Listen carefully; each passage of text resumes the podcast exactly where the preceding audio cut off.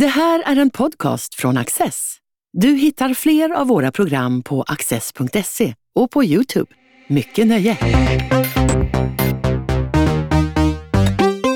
I Den lodande människan ger sig Patrik Svensson ut på djupare vatten och berättar om vår relation till havet genom årtusendena. Han samtalar med Erik Ersenius om människans nyfikenhet och om det väldiga havets eviga mystik. För några år sedan så eh, talade litteraturvetaren och akademiledamoten Horace Engdahl om att den lärda essän eh, var en motståndshandling i vår tid eh, mot deckarna och underhållningslitteraturen. Eh, och så för tre år sedan så kommer Ålevangeliet av Patrik Svensson som blir en dundersuccé, både nationellt och internationellt. Eh, och när jag sökte i bibliotekskatalogen hemma i Östergötland så var den här boken utlånad på varenda litet bybibliotek och dessutom kötider. Eh, vad tänker du, hade du kunnat föreställa dig att, att Ålevangeliet skulle bli en sådan succé som den har blivit? Nej, naturligtvis inte. Alltså jag satt, skrev den boken i, i ensamhet och eh, eh, med en vag idé om att vad det skulle bli i slutändan. Och eh, vågade inte ens eh, säga till människor vad jag riktigt skrev om. Folk frågade, vad, men skriver du en bok, vad skriver du om? Och jag, och jag kunde inte ens förmå mig själv att säga att ja, men jag skriver en bok om ålar. Och, och eh, då eh, naturligtvis förväntar man sig inte den sortens eh, eh mottagande då. Men, eh, desto roligare att bli överraskad. Vad tänker du? Varför, varför fann ålen sin plats eh, i människors hjärtan? Det är, jag tror den, den så finaste responsen jag har fått, som väldigt många människor har sagt till mig, att jag, jag trodde aldrig att jag skulle intressera mig för det här ämnet. Att jag skulle fascineras av ålar av alla varelser. Eh, och eh, det är väl någonting med det att när man eh, liksom upptäcker upptäcker hur liksom mångfacetterad och märkvärdig naturen kan vara i sina olika former att det finns en slags eh, överraskningseffekt och en aha-upplevelse i det. Och ålen är ju dels en, väldigt intressant i, i, liksom, i den naturvetenskapliga historien eftersom det är en varelse som naturvetenskapen har försökt förstå sig på i många hundra år och haft väldigt svårt för att förstå sig på den. Eh, eh, på det sättet är den också gåtfull och, och det gåtfulla har också en slags lockelse Eh, och sen tror jag också att det spelar in att eh, ålen då eh, är hotad och att, att eh, den är eh, allvarligt hotad av utrotning och på det sättet är den ju också en symbol för ett mycket större skeende med, med klimatförändringarna och massutdöendet av arter som vi är på väg in i nu. nu har du ju givit ut på djupare vatten då med den nya boken Den lodande människan. Eh, hur fick du idén till den här boken? Eller eh, på vilket sätt är den egentligen, leder den vidare från Ålevangeliet? Men har, av någon märklig anledning så har jag under hela mitt liv, ända sedan jag var barn, varit, varit väldigt fascinerad av eh, havet och av eh, allt som har med havet att göra. Och då, eh, olika djur och fiskar och så som lever i havet, men också av människorna som på olika sätt har försökt eh, eh hantera havet eller kartlägga havet, utforska havet, lägga det under sig. Redan som liten läste jag mycket faktaböcker om de upptäcktsresorna och, och eh, om eh, valfångst och sådana saker. Eh, så när det började med att jag, skulle, jag blev ombedd att göra ett sommarprat eh, 2020 och det, då tänkte, funderade jag på vad jag skulle skriva om egentligen. Jag, var inte så sugen på att eh, bara liksom prata om mig själv. Och så då fick jag bara en spontan idé om att nej, men jag, ska, jag, ska, jag ska prata om havet. Det är ett bra ämne att prata om. Eh, och då började när, ganska tidigt när jag började skriva det här sommarpratet så, så upp, kände jag att det här vill jag fortsätta med. Det här vill jag fördjupa mig mer i. De här människorna, karaktärerna och berättelserna jag, som jag bara nuddade vid vill jag eh, verkligen eh, gå in djupare i. Så att säga. Den här boken är ju tillägnad din mor. Mm. Eh, vad, vad betydde hon för dig och för ditt, för ditt, egentligen ditt skrivande eller ditt författande nu? Så att säga? Ja, men, min mor var eh, en väldigt läsande människa. Hon läste väldigt mycket under hela sitt liv. Hon gick på biblioteket och det var också det hon gav till mig. Hon, hon eh, läste för mig under hela min barndom. Hon tog med mig till biblioteket. Hon eh, födde på något sätt en slags nyfikenhet hos mig och, och som möjligtvis av en ren slump så, så, lärde jag mig själv att läsa just genom en eh, bok som hon eh, hittade på biblioteket och som råkade handla om just havet. Hon tog hem en bok om havets fiskar som, eh, som hon läste för mig och som jag blev smått besatt av. Så att hon fick läsa den här boken gång efter gång efter gång. Och vi fick gå till biblioteket och låna om den igen när lånetiden tog slut. Och till sist så sa hon med så här, trött röst att nu snälla kan vi läsa någonting annat alltså. Och då plockade jag lite truligt upp den här boken och började bläddra i den på egen hand och, och upptäckte att jag eh, kunde läsa. Så att, eh, det är just det där att hon gav mig den här liksom kärleken till böckerna och till läsandet och till skrivandet men också, också den här nyfikenheten som jag försöker eh, ha som drivkraft i, i, i mitt eget skrivande nu. För här finns ju också övergången, tänker jag, eh, eller ingången så att säga, nyfikenheten just, eh, relationen till din mamma, biblioteken, bildning, läsning. Och sen kommer nyfikenheten, är ju liksom ett centralt motiv i de här essäerna. Eh, människas eh, längtan efter att få veta mer och också erövra och att förstå, så att säga. Ja, Ja, den här boken, är ju, Den lodande människan, är ju eh, det är en samling essäer i grunden som handlar om eh, eh, till exempel upptäcktsresornas epok och, och Magellans första världsomsegling. Och det handlar om hur människan lärde sig att navigera på havet. Hur lärde man sig eh, hitta på öppet hav utan några landmärken och utan några navigeringsinstrument. Och jag skriver om eh, valfångstepoken när människan bokstavligen seglade jorden runt för att jaga valar. Och, och jag skriver om djuphavsdykarna, de första människorna som tog sig hela vägen ner till eh, havets allra djupaste plats.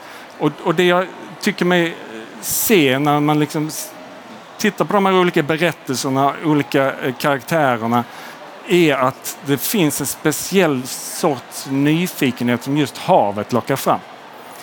Och den nyfikenheten kan vara eh, en väldig drivkraft och det kan vara en väldigt eh, öppen och positiv nyfikenhet. Att man bara, bara vetskapen om att det finns en horisont får vissa människor att segla mot den för att ta reda på vad som finns på andra sidan.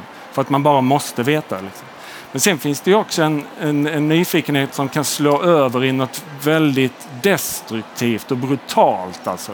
När du skriver om när jag skriver om Magellans första världsomsegling och upptäcktsresornas epok så är det ju också liksom det förstadiet till den moderna eh, kolonialismen och, och eh, all den brutalitet och eh, allt det våld som följde, följde på, på den epoken. Vad är det då? Eh, vissa människor vill ge sig ut eh, bortom horisonten. Eller så. Men vad, vad, är det som gör egentligen, vad driver oss mot någonting? Det är klart vi vet att det finns eh, mat och liv i, i havet, men, men om man också ser i kulturer, så att säga, vad är det som får, får människor att, att börja utforska eh, haven? Ja, men det, är det, det, det, är det som är väldigt intressant. Eh, om, om, man tittar på till exempel de första människorna som bosatte sig på de polynesiska öarna i Stilla havet det, det, eh, var människor som seglade ut från sydöstra eh, Asien för eh, så mycket som 5000 år sedan. På små enkla fartyg ut på Stilla havet mot horisonten. Eh, utan några som helst navigeringsinstrument. Naturligtvis inga sjökort eller kartor eller kompasser eller så. Seglade mot horisonten och lyckades ta sig hela vägen, tusentals kilometer, till Hawaii, till Tahiti, till Påskön. Och, då måste man ju först och främst fråga sig varför gjorde de det? Och då, och då naturligtvis har sådana saker som nöd, fattigdom, svält, eh, möjligen konflikter, sjukdomar kan ha spelat in. Men det är sådana extrema resor de gjorde. Och det, det är så omfattande resor att eh, jag vill ändå tänka att det finns något mer. Att, att det också har varit att de drevs av någon slags nyfikenhet. Att de bara måste ta reda på vad som finns där på andra sidan horisonten. Är det, jag funderar på, är det kulturellt? Polynesier pratar vi om här nu. Fenicier, andra, kineserna mm. eh, och portugiser så småningom är, mm. är liksom exempel på folk och kulturer som har gett sig ut för att utforska.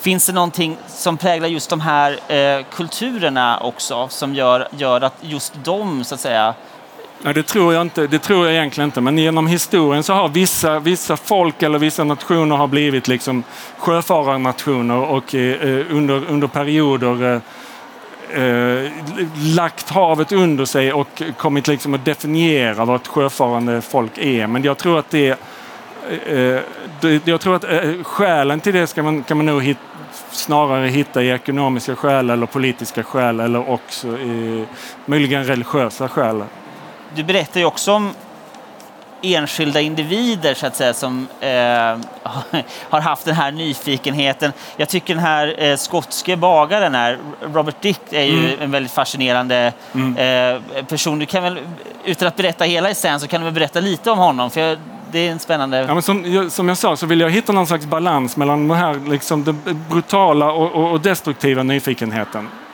Eh, men också ge, ge exempel på en så här öppen, eh, positiv eh, nyfikenhet som bara liksom bygger på kärleken till kunskapen på något sätt.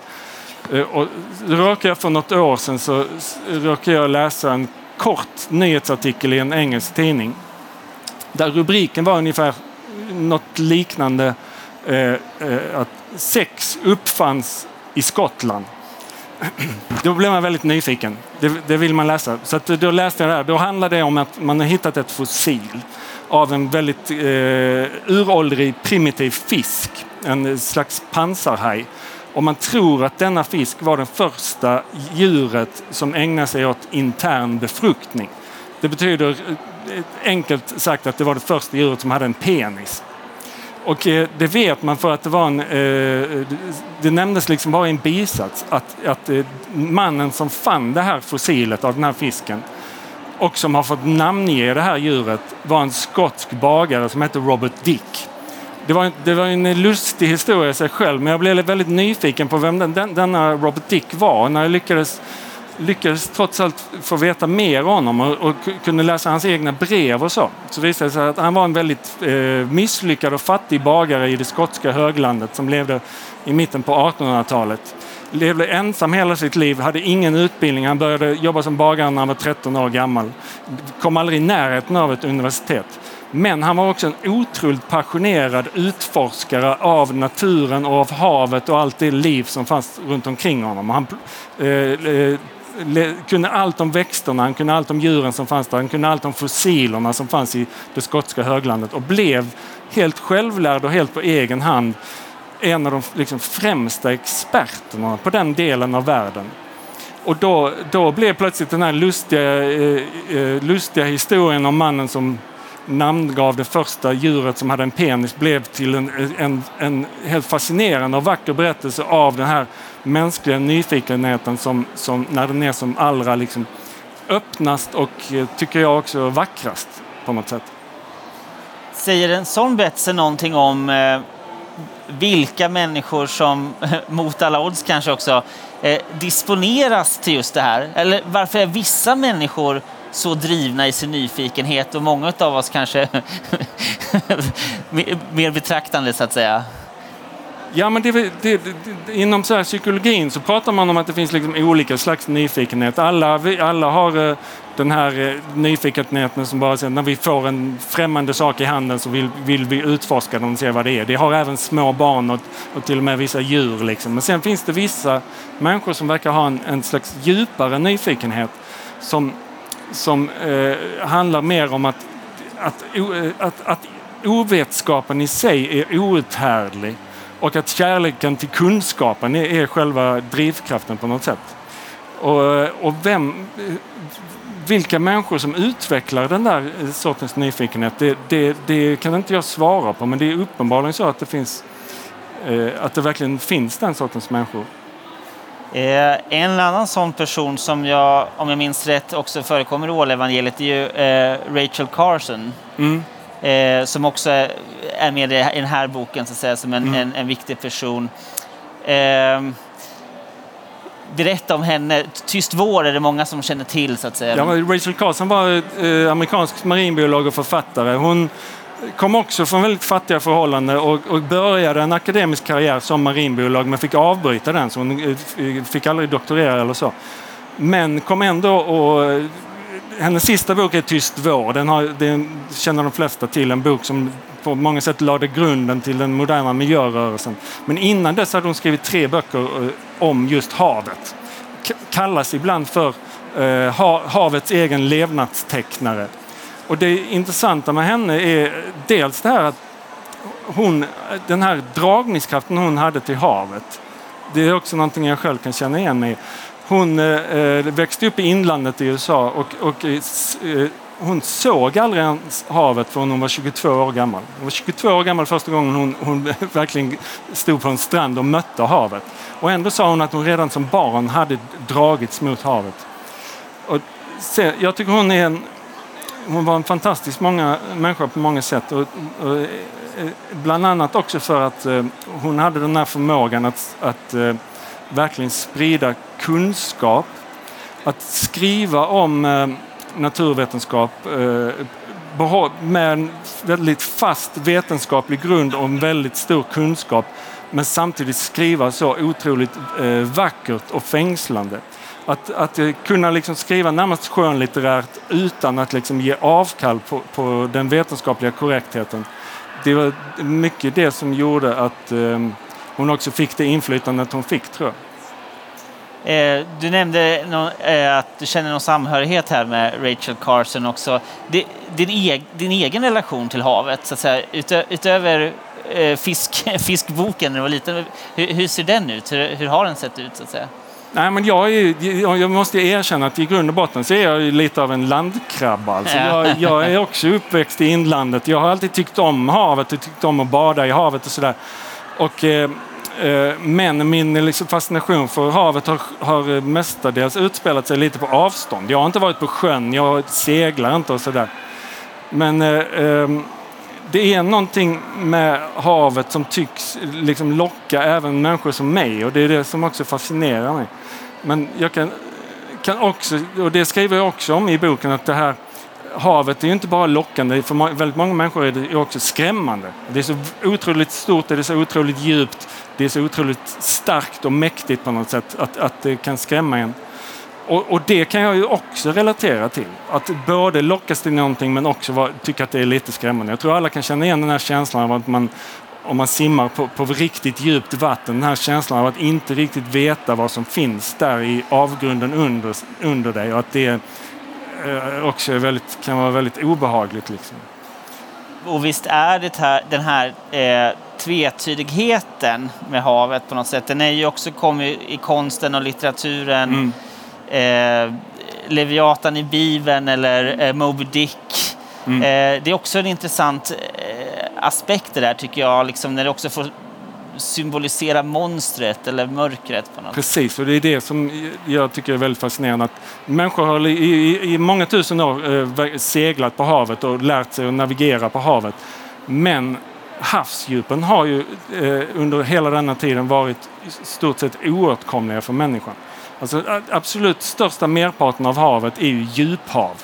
Och där det är först liksom i modern tid, det är mindre än hundra år sedan en människa överhuvudtaget var nere i det vi kallar för djuphavet. Så det har varit en väldigt stor del av jorden, en plats som, som har varit helt oåtkomlig för människan, som ingen någonsin har observerat och som vi egentligen inte visste någonting om. Och eh, därför har det också varit där, därigenom har det också blivit en plats för liksom fantasin och för myter och, och föreställningar. För det- eh, Du skriver ju också, eh, om jag har fått siffrorna rätt här nu, 500 människor har gett sig ut i rymden eller något sånt där. Eh, Men, men eh, det är väldigt få som har varit i de djupaste delarna av havet. Det, är ju en, Mm. en, en, det säger någonting om... Jag skriver en essä om, om de första människorna som tog sig ner på havets allra djupaste plats. Challenger-djupet i Marianergraven. Det är 11 000 meter djupt. Eh, det skedde 1960. Det var en amerikan som hette eh, Don Walsh och en schweizare som hette Jacques Picard. I en väldigt märklig så här, undervattensfarkost eh, sjönk de ner de här 11 000 meterna ner till Challenger-djupet. Det tog fyra och en halv timme. Man ska tänka då att redan efter 300 meter så är havet helt mörkt. Inget ljus når ner, så det är eh, kolsvart. Sen, från de här 300 meterna sjönk de vidare i fyra och en halv timme i totalt mörker. När de var nere på ungefär 10 000 meters djup så, så gick det en väldig stöt genom hela farkosten. Och de visste inte vad det var. De, de sa, har vi krockat med någon slags sjöodjur? Ingen visste vad som fanns där nere heller. Men de fortsatte sjunka, landade till sist på eh, botten i 11 000 meter under havsytan. Eh, och eh, tänder sin lilla lampa och tittar ut över det här eh, märkliga landskapet. Och det första de ser är en liten fisk som simmar förbi. Eller om det möjligen var någon slags eh, sjögurka. Och sen eh, det andra de ser är att amerikanen eh, eh, plötsligt säger Jag vet vad det var vi slog emot innan. Och då ser de att det har gått, det går en eh, stor spricka genom hela det här plexiglasfönstret. Av trycket så har det här eh, fönstret spruckit. Just, just det. Och det enda de kan göra är att trycka på knappen och släppa ballasten och stiga upp till ytan igen. Och kommer lyckligt upp igen fyra timmar senare och begav sig aldrig ner till det där djupet igen. Och det skulle dröja, skulle dröja 50 år innan en människa tog sig ner till den platsen igen. Då åkte James Cameron ner med, ensam i en båt. Och sen 2019 åkte den fjärde personen ner till eh, det största djupet. Under samma tid som 12 människor har varit på månen så har bara fyra människor varit där nere. Och den här mannen, det var en amerikan som hette Victor Velasco. Han eh, eh tog sig ner dit 2019 alltså, tände sin lilla lampa och tittade ut och det första han såg var en plastpåse. Ja, just det. Eh, för det, jag tänker på det, du skriver någonstans att eh, 80 procent av havet är nu, är nu outforskat. Om jag minns mm. om jag rätt. Av djuphavet. Ja. djuphavet. Eh, och det här att, att man det händer att vi hittar arter som, är tio, alltså som, vi, som man trodde var liksom, eh, utdöda sedan tiotals miljoner år. Mm. Eh, och samtidigt så är vi i en situation med utfiskning och exploatering av, av havet och, och som liksom den här plastpåsen också på något sätt mm. symboliserar. Så den där aspekten att, att vi liksom inte riktigt... Här är det verkligen någonting som vi inte vet vad vi håller på med, om man säger så. Vad, vad det är vi mixtrar med. Eller ska... Nej. Alltså det finns, eh, det finns uppskattningar om att uh, uh, det finns ju tusentals arter i havet som vi ännu inte känner till. Det finns uppskattningar om att det finns så mycket som 750 000 arter som vi ännu inte har upptäckt, som ingen människa någonsin har sett eller observerat. Och samtidigt så har vi eh, under väldigt lång tid behandlat havet på ett väldigt aningslöst sätt som ett element som liksom är bokstavligen outtömligt. Det har funnits en uppfattning om att eh, det spelar ingen roll hur mycket fisk vi plockar upp, vad vi gör med havet. Det, är liksom, eh, det, vi, det, det påverkas inte av det mänskliga agerandet. Och det är först liksom på senare år man har förstått att det, det där naturligtvis inte alls är sant. Eh, havet är i själva verket otroligt skört. Och det vi då liksom inser är också av all, allt det här som fortfarande är okänt i havet. Det, eh, alla de här arterna som vi inte har upptäckt och inte eh, kunnat beskriva. De är också hotade av vår av våra handlingar. Så att det finns en risk att väldigt, väldigt mycket liv i havet liksom kommer att försvinna innan människan ens har blivit medveten om dess existens. En aspekt som också hänger ihop med det här med eh, nyfikenheten eller ett, ett annat såhär, eh, begrepp som dyker upp, det är ju det här med livsrytm och livets ursprung på något sätt. Och det, eh, I en av essäerna så skriver du om just när du intervjuar eh, reggae och blueslegenden Peps Persson på. Mm. Eh, och det är en intressant liksom, ingång till det där. Han har ju resonemang liksom, kring att rytmen finns i allting mm. och, och, och att det hänger samman liksom, med egentligen livet eller tillvarons expansion på något sätt. Du, du, får, gärna, du får gärna utveckla den idén. Ja. Ja, men jag skriver en essä om det, det som kallas för den cirkadianska rytmen. Det är alltså en slags dygnsrytm som allt, egentligen allt liv på planeten delar. om du tar en, tar en sån här växt som, som varje morgon när solen går upp så öppnar den sina blad mot solen och sträcker dem upp mot solen. Det finns äh, äh, många sådana växter. Och, äh, om du tar en sån växt och sätter den i ett helt mörkt rum utan några fönster, utan någon tillgång till solljuset. Vad händer då? Jo, varje gång vid ungefär samma tid så öppnar den likväl sina blad och sträcker dem mot den solen som, som, inte, som inte finns där. Och, och, det visar sig att allt liv från liksom amöber till valar har den här inre dygnsrytmen eh, som gör att vi lever i, i, ett slags rytm som överensstämmer precis med den tid det tar för jorden att snurra ett varv runt sin egen axel. Och när jag tänkte på det där, att, den där, att, det, liksom, att det verkligen finns en rytm som vaggar allt liv i samma takt. Så tänkte jag på också på, kan man, kan man beskriva den där rytmen som musikalisk på något sätt? Och då kommer jag att tänka på att jag, eh, en intervju jag gjorde med Peps Persson för några år sedan innan han eh, dog. Där han pratade just om att rytmen, hur rytmen genomsyrar allt. Och han beskrev ju rytmen som någonting som, han sa så här, eh, han sa, jag, jag tror inte att människan har någon själ, men människor har själ. Men själen sitter inte i oss, den sitter mellan oss. Han beskrev själen som den liksom rytm som binder allt liv samman. Jag tyckte bara det var en väldigt fin bild. Att också förena liksom det här, en, en uh, gammal reggae-gubbes syn på rytm med, med uh, den rytm som biologiskt eh, vaggar oss alla i samma takt. det som slog mig med honom också det var att han var så eklektisk själv i sitt musicerande. Att han liksom samlade, han tog blues, reggae, karibiska rytmer. Eh, mm. Och det är också då något slags, något slags universellt som han också fångar i sin musik som just har med den här rytmen att göra då och relationen mellan Precis, människor. han var ju väldigt mycket en slags upptäcktsresande på sitt sätt. Liksom. Yeah. Men det, och det han, det han gjorde i sin, i sin musikaliska gärning var ju att försöka hitta de här gemensamma punkterna som, som, som knyter alla människor samman på något sätt. En, eh, en, eh, vi börjar närmast på slutet här, men, men en sista fråga. Eh, havet är ju också livets ursprung mm. här i jorden. Och det, jag tycker också intressant att du beskriver här att, att det finns arter som har gått upp på land och förmodligen sedan gått ner i havet igen för att mm. de har trivits bättre.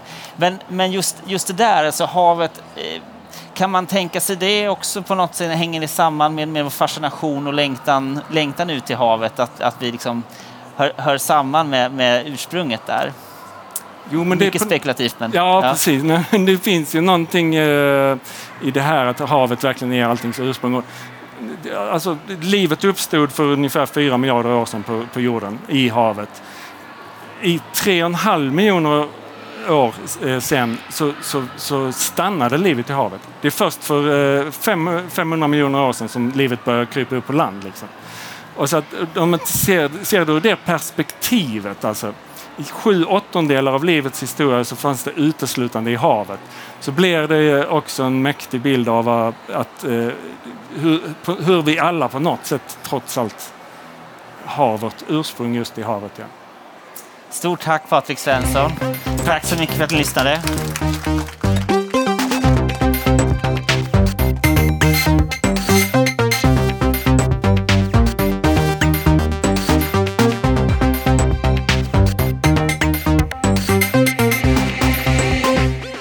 Har just lyssnat på en podcast från Access. Du vet väl att vi också är en tv-kanal och tidning? Teckna en prenumeration idag på access.se.